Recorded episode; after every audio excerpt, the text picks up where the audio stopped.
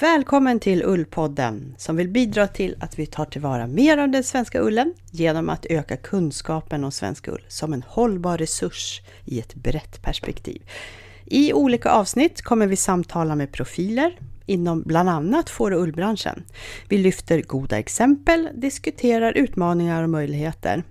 Vi vill sprida kunskap och inspiration som på sikt ökar din kunskap om ull, men vi vill också uppmuntra till innovationer och produktutveckling där man kan ta tillvara den svenska ullen.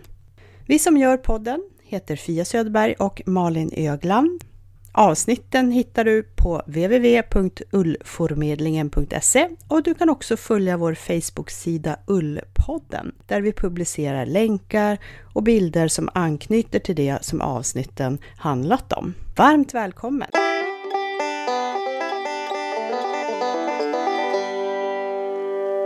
Hej och varmt välkomna till Ullpodden nummer 24. Hej Malin! Hej Fia! Hur har du det? Jo, men det är bra här. Jag um, har ju flyttat igen. Ja. Ja, så nu bor jag i Malmö. Till Malmö? Ja.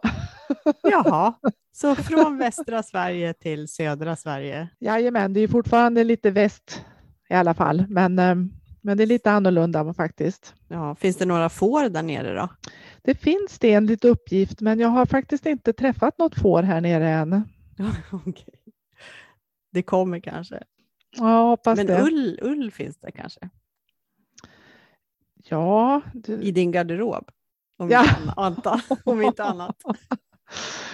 Nu ska vi inte prata om det men egentligen, men eh, jag är ju precis eh, lite i en sån här eh, kris som ju uppstår lätt när man har flyttat. Att Även om jag har rensat nu genom åren, det är ju den eh, tredje flytten nu på fem år, så är det ändå ganska mycket garn framför allt. Så nu försöker jag att ja, frigöra mig från eh, projekt som jag inser att jag garnsamlingar som jag tänkte att det här ska göra det här utav och det här ska göra det här utav. Nu inser jag att nej, jag kommer inte göra det.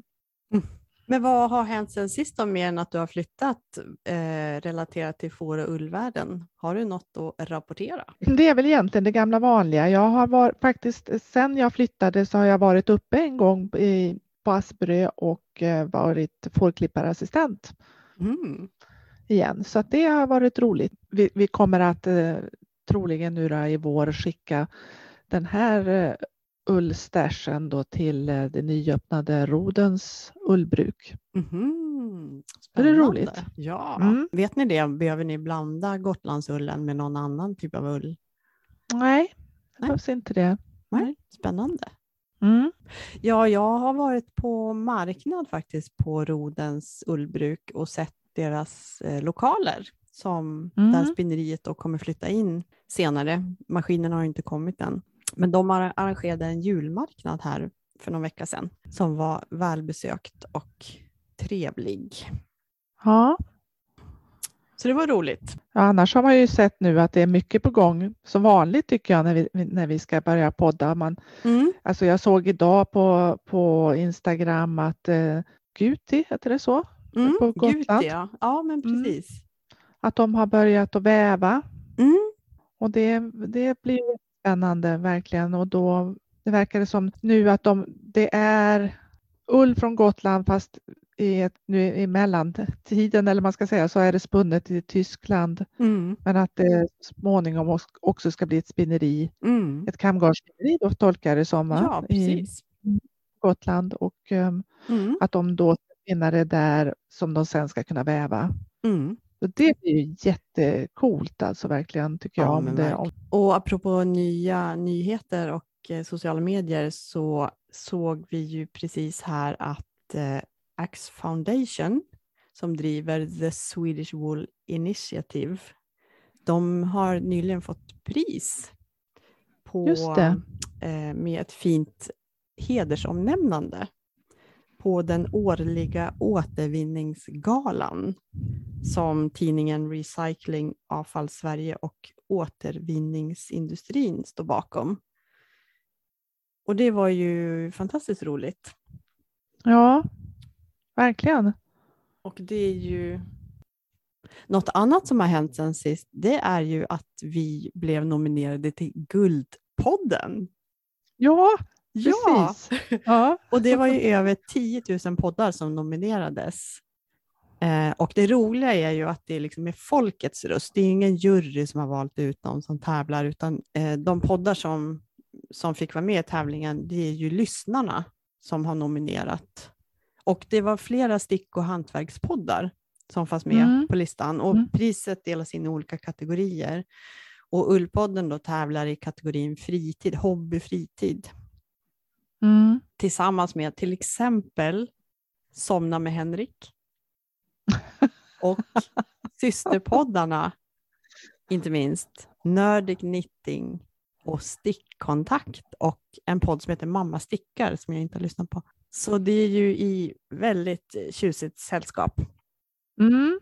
Och vinnarna meddelas ju första december. När det här sänds kanske vi vet redan. Kanske vi, det här kanske sänds efter första december. Jag vet inte.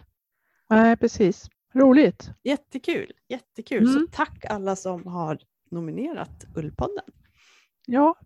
Eh, och en annan sak som vi pratade om förra gången också, det var ju att en ny onlinekurs med Josefin Valtin eh, har satt igång. Spin, eh, lär dig spinna med hängande slämda. Just det. Mm.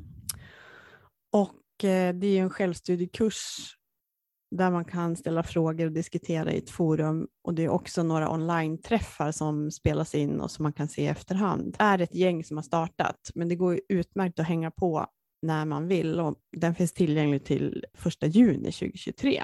Jag tänkte också utmana mig själv och försöka lära mig spinna. Så att jag har Mm. försökt, provat lite grann. Mm. Men det Josefin säger det är ju att man framförallt behöver tid och liksom tålamod för att det är liksom en process som att man ska få in det liksom i kroppen och i händerna. Mm. Det är väldigt kul. Ja, jättekul. Och en annan sak som vi pratade kort om förra gången, det var ju också att en ny organisation bildades här under hösten som ska jobba för samverkan inom ullbranschen som heter Arena Svensk Ull. Och eh, vi var ju väldigt nyfikna på den här organisationen, vad, vad den kommer jobba med och hur det funkar. Och vi fick ju en kort intervju med ordförande Christian Lundell. Ja, men det ska bli kul att höra. Då kommer han här, Christian Lundell.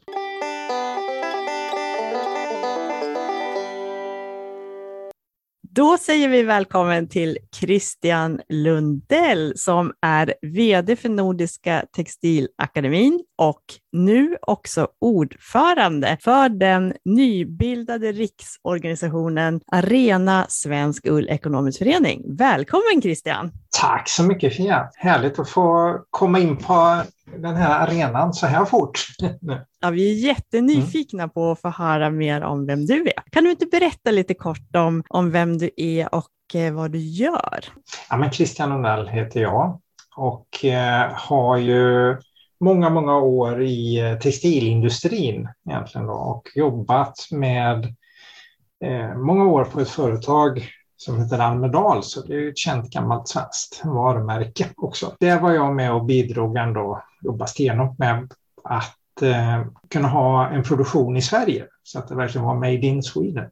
Vi var väl ändå så pass bra på det så att den där fabriken står kvar idag. Den blev varit inte outsourcad till eh, Asien. Så att utifrån det skapades det någon sorts, alltså en mycket stark drivkraft hos mig med lokal produktion. Så det är liksom min, min ingång till det mesta jag gör kan jag säga då. Ja, vad spännande. Berätta, vad, vad är Nordiska Textilakademin? Berätta lite kort för Ullpoddens lyssnare här. Ja, men, och det är precis fortsättningen då. För, för att vi ska kunna ha lokal produktion måste vi ju ha människor som kan sina yrken. Och för att de ska kunna yrken så måste man ha någon, både praktik och teori. Eh, och just den här kombon att eh, jobba med eh, yrkesutbildning då, eh, det, det, det har jag trott väldigt mycket på. Och, även, och det har ju sin ursprung just ifrån hur vi lyckades ha kvar produktion i Sverige av textilier. Då. Vilka yrken pratar vi om då rent?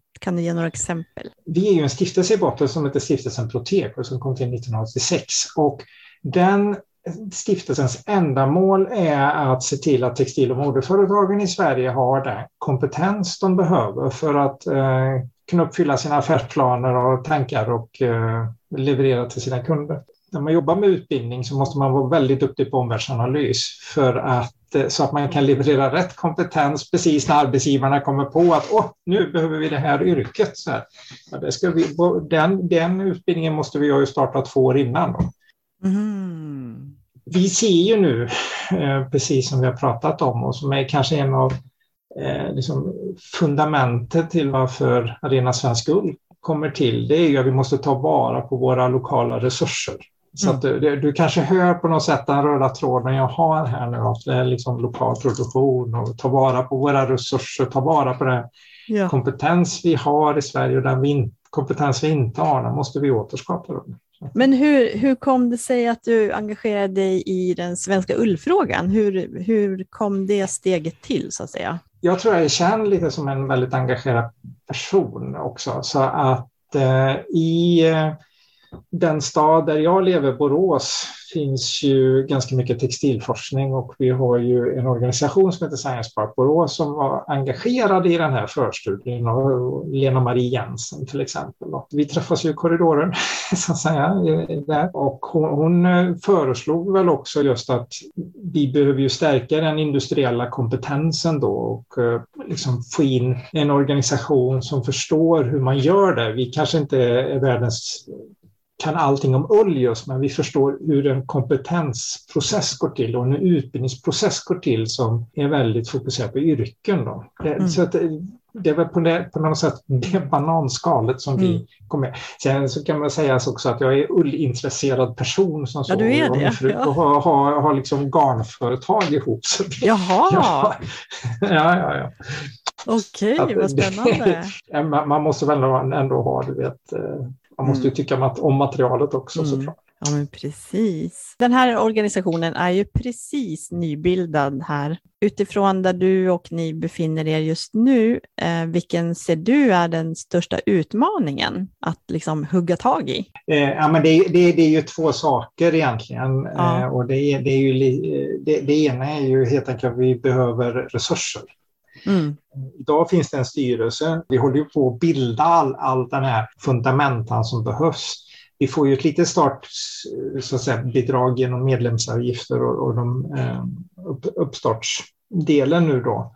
Men mm. det, det kanske inte, det, det är ju vi, vi har ju försökt att hålla nere då årsavgifter, och, utan vi måste ju komma igång med att söka medel av, av mm. de uh, verksamheter som tycker att vi har ett existensberättigande. Då. Det mm. tror vi. Då. Så det, det, är det. Men, men för, sen vet vi ju så här, när man går och söker medel så frågar ju alltid den som ska lämna medel varför ska vi ge pengar till er? Så vi behöver ju en verksamhetsplan också. Så det, ja, det, är ju nästa del. För det var ju också någonting som man valde nu inledningsvis att överlämna till styrelsen att ta fram en verksamhetsplan. Mm. Uh, nu finns det ju ett fantastiskt förarbete gjort så jag är mm. inte så orolig för det. Men, men på något sätt så först måste vi ju så att säga vi måste hitta några enkla saker också så, så, att vi kanske bara skapar ett medlemsbrev eller liksom no, någonting mm. där vi eh, mm. Eh, ändå börjar kommunicera så mm. medlemmarna vet om att vi, vi gör. Nu sitter säkert de som lyssnar på det här det är ju alla möjliga typer av människor. Det är fårägare, mm. det är mm. entreprenörer, företagare, privatpersoner, alla som, som har ett intresse av svensk ull. Och nu kanske några sitter och undrar då om det här med, med du sa medlemsavgifter och vad, vad är det för typ av förening? Vilka är det som blir medlemmar och vilka kan bli medlemmar? Eh, det är väl egentligen eh, det är ju en verksamhet, ett organisationsnummer till att börja med. Då. Det är ju inte, kanske inte privatpersoner som man vänder sig till utan det är ju, ska ju vara en arena för de verksamheter som jobbar med de här eh, frågorna. Då. Mm. och då har vi ju valt en insats, egentligen nästan ett medlemslån kan man ju säga, men det är tusen kronor liksom för att eh, som man sen om man går ur och ska få tillbaks och sen så är det då en eh, årsavgift på 100 plus 900 mm. eh, kronor. Då. Så att det, det, det är inte så, det är ett lågt trappsteg. Det är mm. också jätteviktigt att poängtera tycker jag att vi ska inte ersätta någon av de andra organisationerna här utan det, det är ju samverkan och, som, som vi syftar till och, och att utbyta erfarenheter och dela nätverk och sånt. Det är en väldigt viktig del i det här. Så får vi ju se lite på hur medlemmarna tar emot det här och, mm. och vad man tycker att vi ska göra framöver. Mm. Så. Men om man är då ett företag i den svenska ullbranschen och tycker det här låter intressant, då kan man ansöka om medlemskap. Eh, och sen styre, det är Precis. styrelsen då som, som beslutar om medlemskapet, eller hur?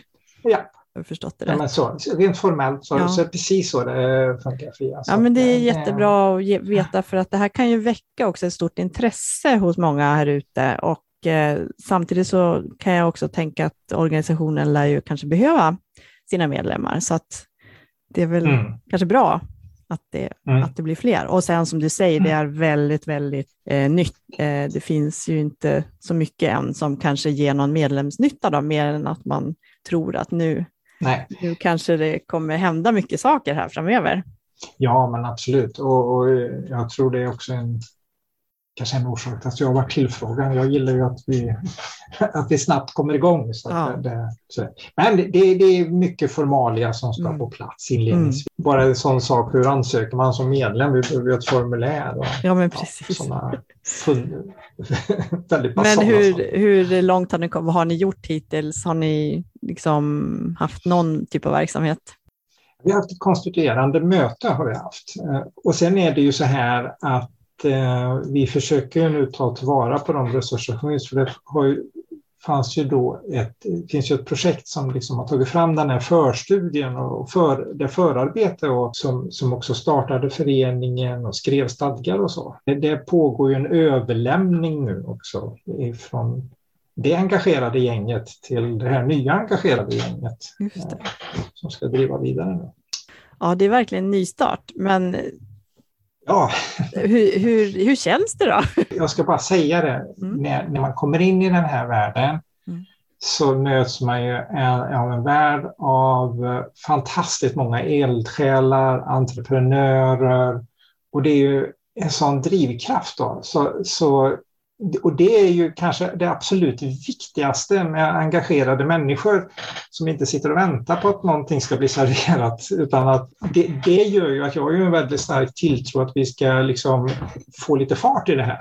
Jag tycker det är en fantastisk värld som jag får ta del av nu och, och som jag hoppas kunna utveckla och driva framåt i enlighet med det här syftet med den här föreningen. Du har pratat om lokal produktion ganska mycket, men finns det någon mm. konkret fråga som du känner är särskilt viktig för den här eh, organisationen att driva? Det är mycket logistik, tänker jag faktiskt, som ligger framför oss. Mm.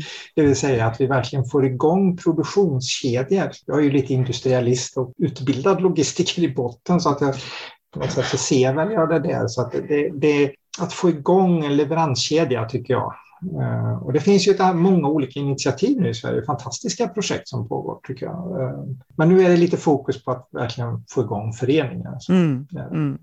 Om du leker med tanken då, bara så här mm. inledningsvis, var, var, tror, du att vi befinner oss om fem år? Vad tror du har hänt tack vare organisationen? Min, min dröm skulle nog vara att vi vi är en eh, verksamhet som verkligen har eh, där det finns starka nätverk, där vi delar. Vi kanske har också fått förtroendet att ha olika utlysningsmedel, att man kan söka pengar hos oss för olika projekt och sådana saker. Eh, och vara en, en sammanhållande kraft. Mm. Eh, utan att för den skull konkurrera med någon annan. Jag tycker det är jätteviktigt. Eh, utan vi ska vara det här arenan eller brobyggare. Eller så. Mm, mm, det är väl det vi hoppas på. Har du själv någon eh, favorit eh, sådär? jag tycker det är mest spännande just att, att se. Det hade varit fantastiskt att få, att få det made in Sweden. Det, det, det är liksom, tänker att få ut mer svensk ull till de svenska konsumenterna. Mm. Det är väl på något sånt där. Och jag, jag, det är ju sånt fantastiskt material mm. som, som, man kan ha i ur och skur. Så att säga. Det, det... Men det är intressant att du tar upp det här med logistiken och det är ju väldigt spännande att du också har den bakgrunden. Ja, precis. Ja, men alltså, jag, jag har jobbat jättemycket med, så att säga, med Ja, du vet ju, staden jag bor i och verkar i heter ju Borås och där är det mycket postorder fast nu mer e-handel och det, det, det, är ju väldigt mycket runt olika sorters flöden. Då. Så jag har väl ett öga för sånt. Och, mm. så att säga. Och det handlar ju den här produktionsmiljön som är min erfarenhet också. Det är ju det, det är effektiva flöden och fungerande flöden och så. Det... Mm. Ja, Ja, men det är väldigt mycket av den ull som vi tar in som man kanske inte kan förädla. Alltså vi behöver också höja ja, ribban för, mm. för ullkvaliteten. Hur tänker mm. du kring hela den här situationen? Liksom, får du någon association på hur, hur det kan bli bättre i framtiden? Vi hade väl mycket mer av det här förr i tiden, men det är också andra länder som, som är skit, alltså otroligt duktiga och som har kvar hela sin, sin leveranskedja. Så. Mm. Så eh, jag tycker man alltid ska liksom jämföra sig med andra och lära av andra. Mm. Och vi vet ju att alltså ull kommer att bli ett vanligare material framöver. Så att det är ju inte så att vi tar jobb ifrån något annat land eller så. Utan, men jag, jag tror verkligen att vi kan lära av andra länder och, och se. Eh, och på något sätt, se, det, det, går inte bara att kopiera för vi har ju vår svenska mm. kontext och våra svenska får och eh, andra raser här och så. så. Men, men mm. på något sätt så... Ja, ofta nämns ju Norge som ett eh, bra exempel ja. i, i själva mm. logistiken. Så. Mm. Uh, sen har väl de sina utmaningar i sig, men det är intressant mm. att man kan ändå ha en sån uppbyggnad. Jag tänker det finns ett antal flaskhalsar i det här. Alltså det, mm. det finns så många härliga entreprenörer där ute, det, det, det, tror jag. Men sen, de behöver ju kapital då på något sätt också. Så det, det, är ju en sak, vi behöver kompetens. Så, så, men det, det, är ju verkligen viktiga pusselbitar vi måste få plats. Och det är väl också mm. så här, det, det, är väl verkligen det arenan ska verka för och, och samla kraft så att, att liksom branschen mm. kan, vi vet det, vi kommer mm. längre in i regeringskansliet om vi mm få aktörer. Eller, eller, istället för att alla springer på samma boll så, så mm. kan vi jobba tillsammans så, så når vi ju längre. Det, det, så mm. brukar det ju funka. Och precis det jag tänkte fråga där, hur ser du på liksom det politiska eh, arenan och, och, statens roll? Tänker du att ni också ska kunna vara liksom en, hålla en dialog med med den typen av aktörer? Nu måste man ju vara försiktig. Jag vet ju inte riktigt hur, hur väl fungerande det är. Det är något sånt där jag verkligen ska lära mig. Men, men självklart, det har jag ju uppfattat som ett syfte med, med den här föreningen, att vi ska vara, samla kraft så att säga. Mm. För att då når vi längre fram. Jag menar, tittar man rent geopolitiskt och allting som sker i vår omvärld så vore det inte konstigt om det kommer mer utlysningar och mer offentliga medel för att ta vara på de svenska resurserna. Det mm. vore ju skräp annars tycker jag. Så mm. Mm. Ser man de möjligheter som finns framöver så tror jag de är mycket goda egentligen.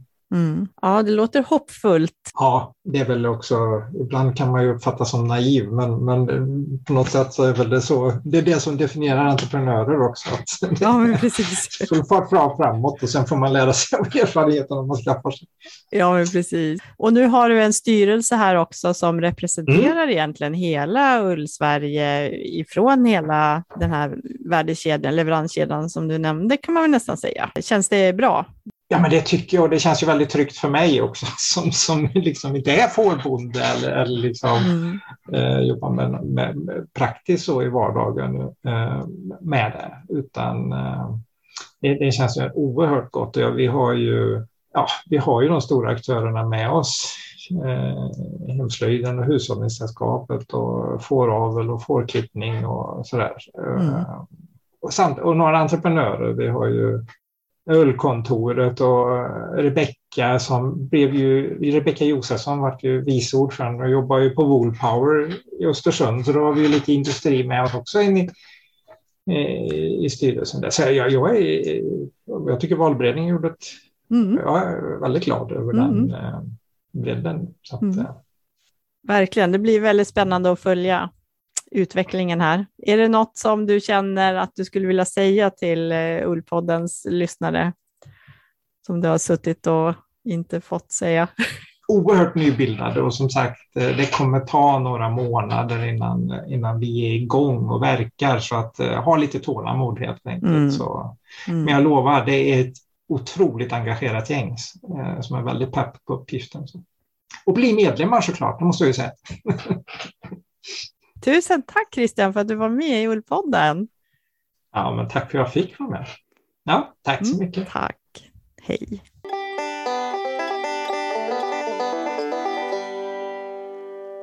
Ja, men vilken hoppfull intervju, hörru. Mm. Ja, men visst är det. ja, Det känns ju positivt och konstruktivt. ja, och jag tycker liksom det var roligt det här att höra att han, eh, att det var liksom det här med logistiken som han tog fasta på direkt. För det, Mm. det tror jag, det är nog, det har vi ju sagt flera gånger i, under åren Mm. här i Ullpodden att det, att det behövs någon Mm. som liksom, något som stöttar liksom i den här kedjan. Ja, men precis. Vi har väl pratat en del under åren också om just behovet av en nationell samordning och jag tror i en intervju med Nämnden för hemslöjdsfrågor så, så pratade de om eh, att ta fram en strategi för svensk Mm. ull. Och det är några år sedan som vi träffade dem, Mm. men de har ju också varit en drivande kraft i att få till en, den här org- organisationen.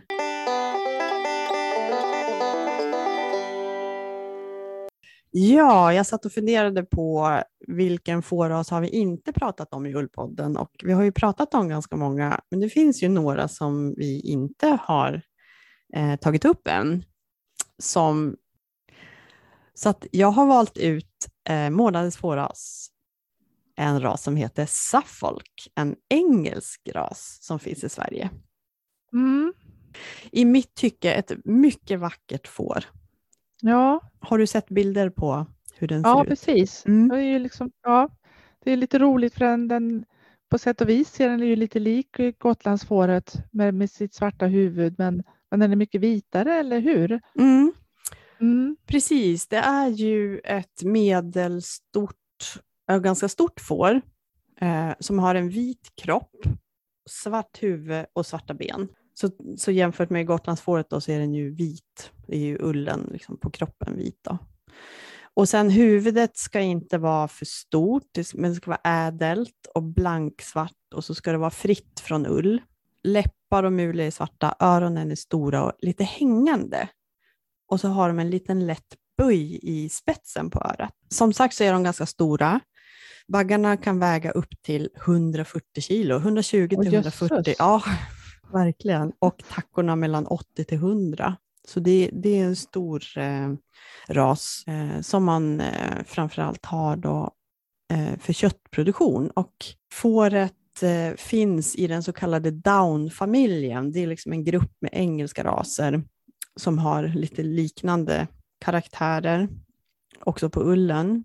Eh, köttraser från England. Och i Sverige används Suffolk en hel del i renrasig avel, men också ganska mycket i korsningsavel för att få bra köttlamm. Om vi tittar på ullen då, Mm. så är den ganska kort, 5-9 cm i stapellängd. En tacka kan ge mellan 2 och nästan upp till 4 kilo ull per, så det kan vara ganska mycket ull. Liksom, på. Det beror på hur ofta man klipper den förstås. Mm. Mikrontalet ligger mellan 25 till 33. Mhm. Mm. Ullen är lätt att färga och den kan vara bra eh, att spinna eh, och kan ge ganska mjuka garner. Däremot så är den svår att filta och svår att tova. Så. Mhm. Det är liksom Mm. den karaktären på eh, ofta de här eh, fåren från, i den här down-familjen. Att det inte är direkt några tovningsfibrer. Så. Men Nej. det kan bli fina garner. Mm. Du har inte använt ullen någon gång från Nej, Suffolk? Nej. nej, det har jag inte, inte vad jag vet i alla fall. Det står lite grann om Suffolk i den här fina boken The Field, Field Guide to Fleece som vi använder ibland. Mm. Eh, nu står det här på engelska, så att jag vet inte riktigt vad det, vad det betyder, men det står att, att den ullen då är dense and resilient with blocky rectangular staples that hold together and can be hard to distinguish.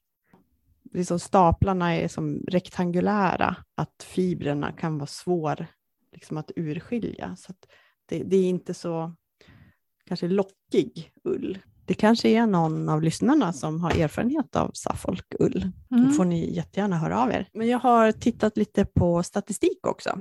Mm. Och då kikar vi ju på Elitlams statistik som är då de besättningar som är registrerade i den här databasen. Och det är ju inte alla i Sverige som har det, men det är en ganska stor del som registrerar sig där. Och eh, Suffolk då finns i 52 besättningar Mhm.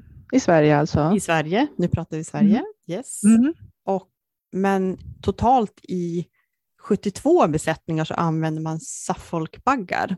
För det är vanligt att man använder i korsningsavel, då, att man har Mhm. baggen i Suffolk och tackorna är någonting annat. Mhm. Och det är framför allt i, i kött, eh, köttlammsavel. Och det var, sex, alltså, det var 676 tackor som betäcktes 2021 eh, i rasren avel. Och då, de fick då 1216 lamm som, som registrerades 2021. Och sen är det 132 tackor som betäcktes med en annan ras. Mm. Och det, det blev också då 125 lamm, Mm. Eh, totalt 75 baggar i avel. Så det är ju inte jättehöga siffror, men det är inte jättelåga heller. Nej. Det är ett gäng. Mm, kul. Mm. Men eh, hur är det nu då? Finns det något fotbollslag som har Suffolk något fotbollslag? Ja, alltså det är ju det här som vi har sagt några gånger tidigare när att, att det är liksom Suffolk är ett, ett um, county, så det är lite ett område så att säga då. Lite, det är inte en plats på det sättet och um, så det finns liksom en, um, en, en förening som heter Suffolk um, Football uh, Association eller någonting sånt där heter den. Okej. Ja, och, eh, och, och de ordnar eh, då olika ligor och um, kupper och sånt där. Så att eh, det, det, det är absolut ett fotbollsfår alltså. Ja, vilken tur. Ja. Då, men som sagt, mycket vackert får tycker jag. Med, med, just med det här huvudet och kontrasterna mellan det svarta och, och det vita. Mm. Men det kan ju vara så också med en sån här stor ras, att det kanske inte blir så jättevanligt i Sverige, för det är ju enormt tungt för till exempel för fårklippare att klippa sådana här stora djur Mm. eh, som väger upp till 140 kilo jämfört med Gotlandsfåret. Nu kommer jag inte ihåg exakt vad det väger, men det är ju liksom mycket lättare att hantera Mm. vid fårklippningen. Det vet väl du som var assistent här nyligen? Ja, precis. Och det var väldigt dramatiskt för att eh, det var en um, liten, eh, en av baggarna som gick, gick liksom ville inte riktigt lämna oss i fred. Mhm. Så han, um, han attackerade. Oj, Ja, så han stångade så att jag, jag hann bara precis skrika akta. Och sen så for då um, uh, fårklipparen och uh, andra fårklipparassistenten i backen. oj. Mm. Men var det det fåret som höll på att klippas eller kom det, var det ett får som var i närheten? Det var Eller ett får som var i närheten. Ja, Ja. baggen som var... Ja, aldrig vända ryggen till en bagge. Nej, Nej, man vet aldrig. nej, man vet aldrig. Nej. Sen så var han där och ville att jag skulle klappa honom och Mm. så. Nej, oftast med baggarna så ska man helst inte ha så mycket liksom, kontakt med dem, har jag lärt mig. Man, man ska inte, för vi har ett eh, för detta flasklamm nu som är kvar, eh, Kalle, ett bagglamm. Och Ja. han, han fick ju väldigt mycket liksom närhet och sådär när han var väldigt liten eftersom vi fick flaskmata honom. Och han har Mm. blivit riktigt jobbig. Och, Mm. och nej, inte kul. Nej, man är inte liksom, jag vet inte om man någonsin har varit i en ålder när man tycker att det är kul att bli stångad av en bagge, men nu är det verkligen, blir man ju liksom jätteängslig för att man ska stå sig på allvar. Liksom.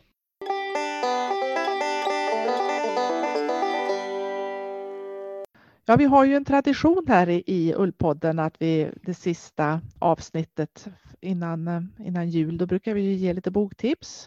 Precis. Det är ju perfekt. Eh, julklapp också. Verkligen.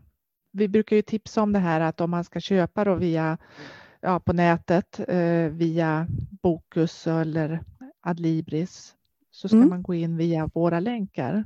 För att om man gör det och handlar genom att klicka via våra länkar så får vi några kronors provision på varje köp. Men du som beställer boken betalar exakt samma kostnad som om Mm. du skulle googla fram.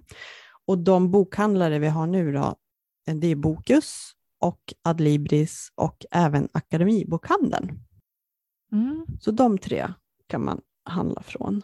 Och då går man till ull, ullförmedlingen.se. Precis, och det ligger som en eh, nyhet där. Mm. så att man lätt, man snabbt hittar det. Och vi lägger också ut länk i, på Facebook-sidan som heter Ullpodden. Mm. Men vi har en liten blandning mellan lite olika härliga boktips. Vill du börja med något, någon exem, något exempel? Ja, men jag tycker ju det är kul med de här eh, med eh, handarbetsböcker eller man ska säga och då stickat framför allt och eh, det har kommit flera stycken nu. Och den kanske nyaste det är ju Erika Åberg som har kommit med boken Stickat från kust till kust. Mm. Och den är jätte, jättefin. Och då är det ju då från kust till kust. Det är ju då yttre hybriderna som hon har varit och fått inspiration ifrån. Och sen är det från Blidö. Och så är det från Shetland. Och så är det från Gotland. Mhm. Så det är verkligen många olika kustsamhällen då som hon har liksom, eh, ja, inspirerats av färgerna och naturen och, och liksom utifrån det då också gjort eh, mönster då till, eh, till ett antal plagg. Finns det får i boken också? Ja, det är det. En hel del Mm. bilder på får också. Den är väldigt fint formgiven också tycker jag, jättesnygg. Mm. Och det finns en som heter en tröja som heter Tång. Mhm. Som nog är tröjan Tång som är min Mhm. favorit tror jag. Vilken ö kommer den ifrån då? Den kommer från Yttre Hybriderna. Jaha. Nej, den är enfärgad men den är liksom eh, stickad, eh, ja så li, li, lite, vad ska man säga, lite struktur liksom Mhm. i, i den. Så att den är, den är väldigt, är liksom en enkel men snygg Mm. eh, tröja verkligen. Mm. Mm. Den kan jag rekommendera. Då vill jag tipsa om en alldeles pinfärsk bok som Föreningen Svenska Finullsfår ger ut. Och den heter Lantrasen svenskt finullsfår. Introduktion, historia, egenskaper och djurhållning. Det är en jättefin bok där Anna Eriksson och Karin Skog är redaktörer för ett antal kapitel. Och Eh, Karin Skog är ordförande i föreningen och hon hoppas att boken ska vara till nytta och glädje för både de som har finullsfår och eh, de som planerar att skaffa eller är nya på finullsfår. Och eh, finullsfåret är ju känt för hög fruktsamhet, får ganska många lamm, Mm. hög mjölkproduktion. De är fantastiska i att producera mjölk till sina lamm också. Goda modersegenskaper och framförallt för ullen då, en mjuk, glansig, silkig, fin, fibrig ull i naturfärgerna svart, brun och vit. Det som är extra kul med den här boken för mig, det är att jag har skrivit ett kapitel, eh, ett reportage där jag träffade eh, personer från två olika besättningar. En som var ganska nystartad på får som bor i norra Uppland i Älvkarleby-trakten. Mm. Så, och det är eh, Karin, Karin Marsten, eller Marsten. Mm. Karin och hennes dotter Sofia Edström som driver den här gården tillsammans och Sofias familj och man bor också här då. Så det är ett generations, eh, en generationsdriven fårgård kan man säga. Ja. Eh, den andra besättningen bor i Skåne och heter Eva Kvant Olsson och Martin Olsson och de har varit verksamma i över 20 år och är Mhm. fortfarande väldigt aktiva men börjar se och planera för att kanske gå i pension om några år. Mm. Men du, Skåne, var då, då? Där bor ju jag nu. Eh, Stubbaröd, Stubbarödslam, man kan följa dem på Facebook. Mhm. Jag vet inte exakt vart det ligger. Du kanske får Nej. någon association här. De har gårdsbutik också och i det här reportaget så får man ju läsa då om varför de har valt finull och hur, hur de, vilka produkter som kommer från fåren. Och Eva och Martin har ju, de driver ju gårdsbutik också med allt möjligt. Mycket kött och, och men också väldigt mycket ullprodukter och garner då i de här naturfärgerna, svart, brunt och vitt. Mhm. Det ligger ganska nära Kivik. Okej. Och eh, eh, när Sofia då fick sitt första barn, då upptäckte hon ullens fantastiska egenskaper och hon ville ha ett miljövänligt alternativ till plastblöjor. Det blev ett sådant intresse så att eh, hon säger i, i reportaget att när vi skulle ha får så ville vi skaffa en ras där man just kunde ta vara på ullen. Och det kändes som ett naturligt val att välja finull som dessutom är en svensk lantras och att de dessutom är trevliga och sociala får gjorde valet rätt. Så det var Mm. väldigt roligt att prata med de här två olika besättningarna i olika faser i, i sin får, eh, vad ska man säga, verksamhet. Förutom det roliga reportaget som jag fick glädjen att göra så innehåller boken också massa matnyttiga saker om fårskötsel i allmänhet och finullsfåret då i synnerhet, om finullsfårets historia, om det här med mönstring, men också ett kapitel om lammkött och Mm. fårhälsa och fårägarens ABC, samt också ett kapitel eh, som Alan Waller har skrivit om ullfibern. Eh, Kul. Ja, verkligen. Mm. Och eh, ni som är nyfikna får eh, läsa vidare. Den kommer att finnas på Adlibris och Bokus. Så det, det blev en superfin bok som jag tror kan inspirera den som vill skaffa får och kanske inte just väljer just den här rasen, men också inspirera folk till att skaffa just finull. Eftersom den Mm. är, det är en utrotningshotad ras. Är det? Jaha. Mm. 1997 blev den klassad som en utrotningshotad ras. Mhm. Ja, jag har ju tittat på två andra handarbetsböcker, eh, stickböcker. Eh, inte, inte så noga som den här med Erika Åberg, men det är från våra två grannländer. Det är en bok ifrån eh, Norge med en Ehm, stickare som heter Ingun Birkeland som har gjort en, en bok som heter Stricker som är väldigt, väldigt fin. Den är, liksom, det, det är väldigt, den är väldigt färgstark och eh, men samtidigt så är den eh, det, det är liksom en, en typ av mönster som hon, som hon liksom upprepar i olika modeller kan man Mhm. säga. Tycker jag ser väldigt kul ut. Eh, Så jag tror att jag ska slå till här. Det är, jag har några projekt i kön här men, men så småningom så ska jag tror att jag Mm. ska sticka en.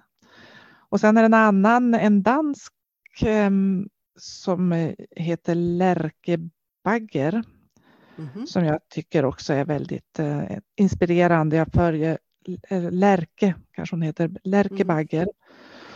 Och hon, eh, hon har också kommit ut med en ny eh, en bok eh, och man kan också följa henne på Instagram och hon är rolig tycker jag för att det är Mhm. liksom, det är, det är liksom helvilt.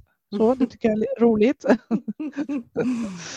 Och att hon, ja men det är mycket sådär att hon eh, använder, sparar alla garnbitar och, liksom, och stickar ihop dem och det är mycket trådar som hänger och, nya sätt att, eh, liksom, eh, att sy ihop eller så. Så hon till exempel virkar ihop.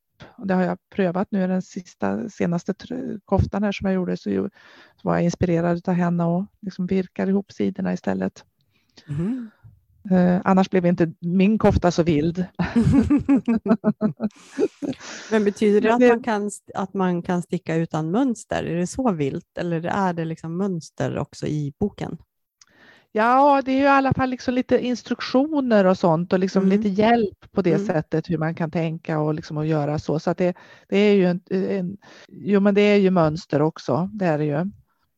Men, eh, men det är liksom. eh, Det är inte så välordnat. Det är mera kanske liksom också tips så där att hon, Mm. hon, hon stickar in med, med alla möjliga grejer och pärlor och sånt där och så. Och sen så är det ju ganska liksom modernt eh, uttryck också. Ja, vad roligt. Men visst hade väl du läst en deckare också? Va?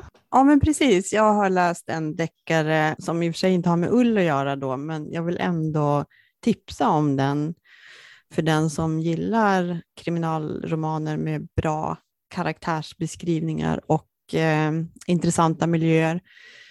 Det är en författare som heter Sara Strömberg som är verksam i Jämtland där jag kommer ifrån och mycket av de miljöerna som hon beskriver det är mina kan man säga, barndomsmiljöer eller ja, det, det är väldigt välkända miljöer för mig så att jag tycker det är väldigt, väldigt kul att, att läsa om dels om de miljöerna och sen om, om de här karaktärerna som känns väldigt, eh, inte alltid kanske så sympatiska men eh, intressanta och trovärdiga. Och sen tycker jag att hon är väldigt bra på att bygga upp en spännande historia.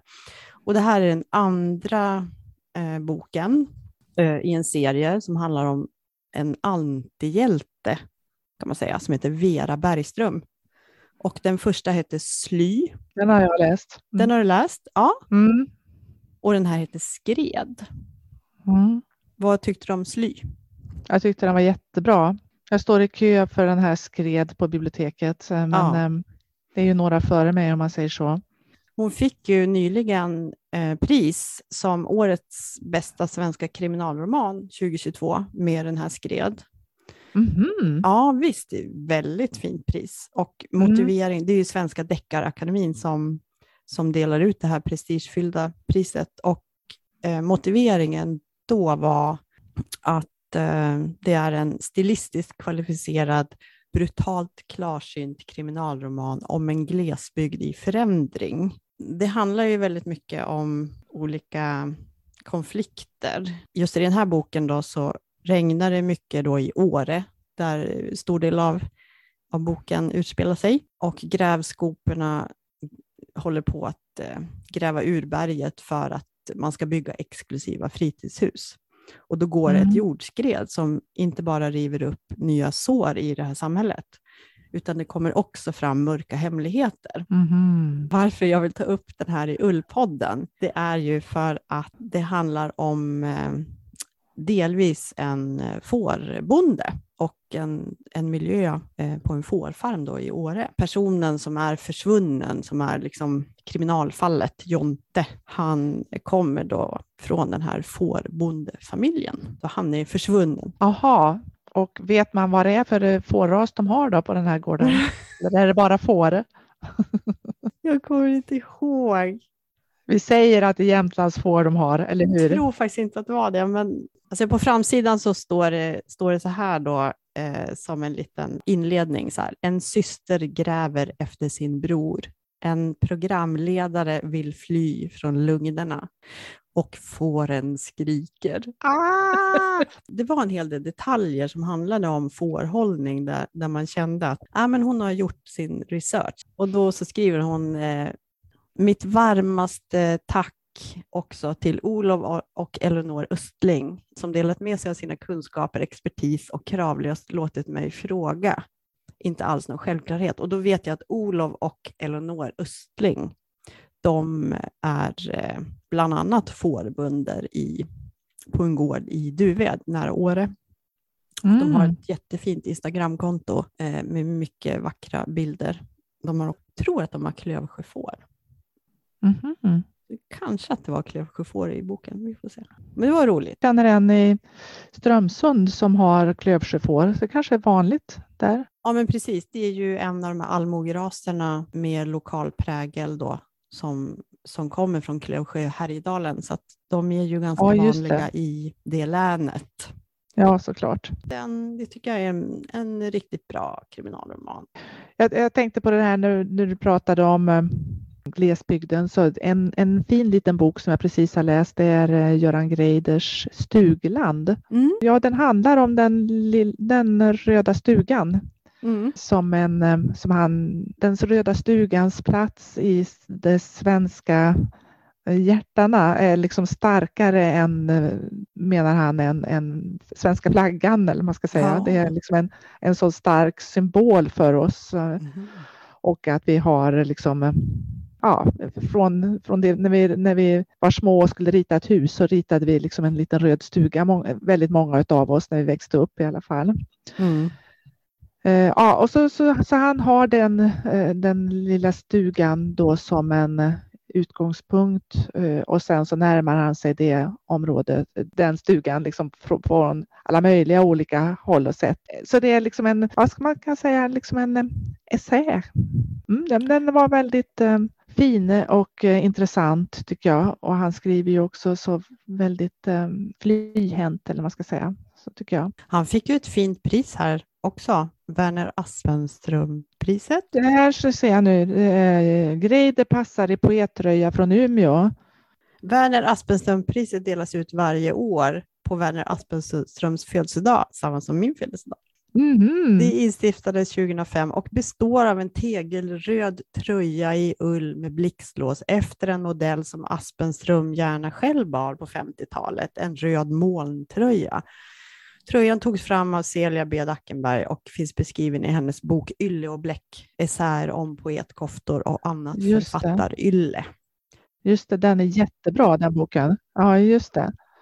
Och tröjan Just det. stickas varje gång speciellt för eh, pristagaren.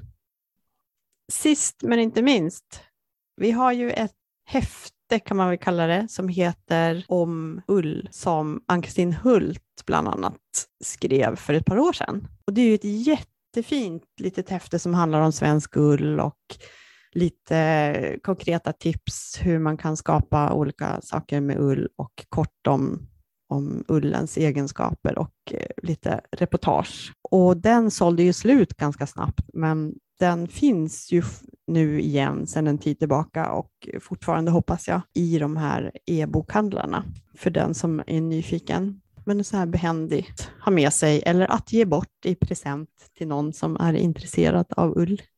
Ja, precis. Ja, men den är jättefin tycker jag. Fin julklapp. Mm. Ja, Så den tipsar vi också om. Ja det tycker jag vi gör. jag. Men eh, då räcker det kanske med tips för den här gången. nu har vi mycket att läsa. Jajamän. Ja, men då får vi väl önska varandra och alla lyssnare en god jul då. Ja, men verkligen. God jul och gott nytt år och gott nytt fårår Gott nytt ullår. och gott nytt ullår. Så får vi se vad nästa år bjuder på i Ullpodden. Ja, Men tusen tack för att ni har lyssnat idag och eh, har ni några funderingar eller frågor så skriv gärna på Facebook-sidan Ullpodden eller eh, skicka ett mejl till kontakt ullformedlingen.se. Men ha det jättefint! hej då! Ha det gött! Hej! Ha det gött!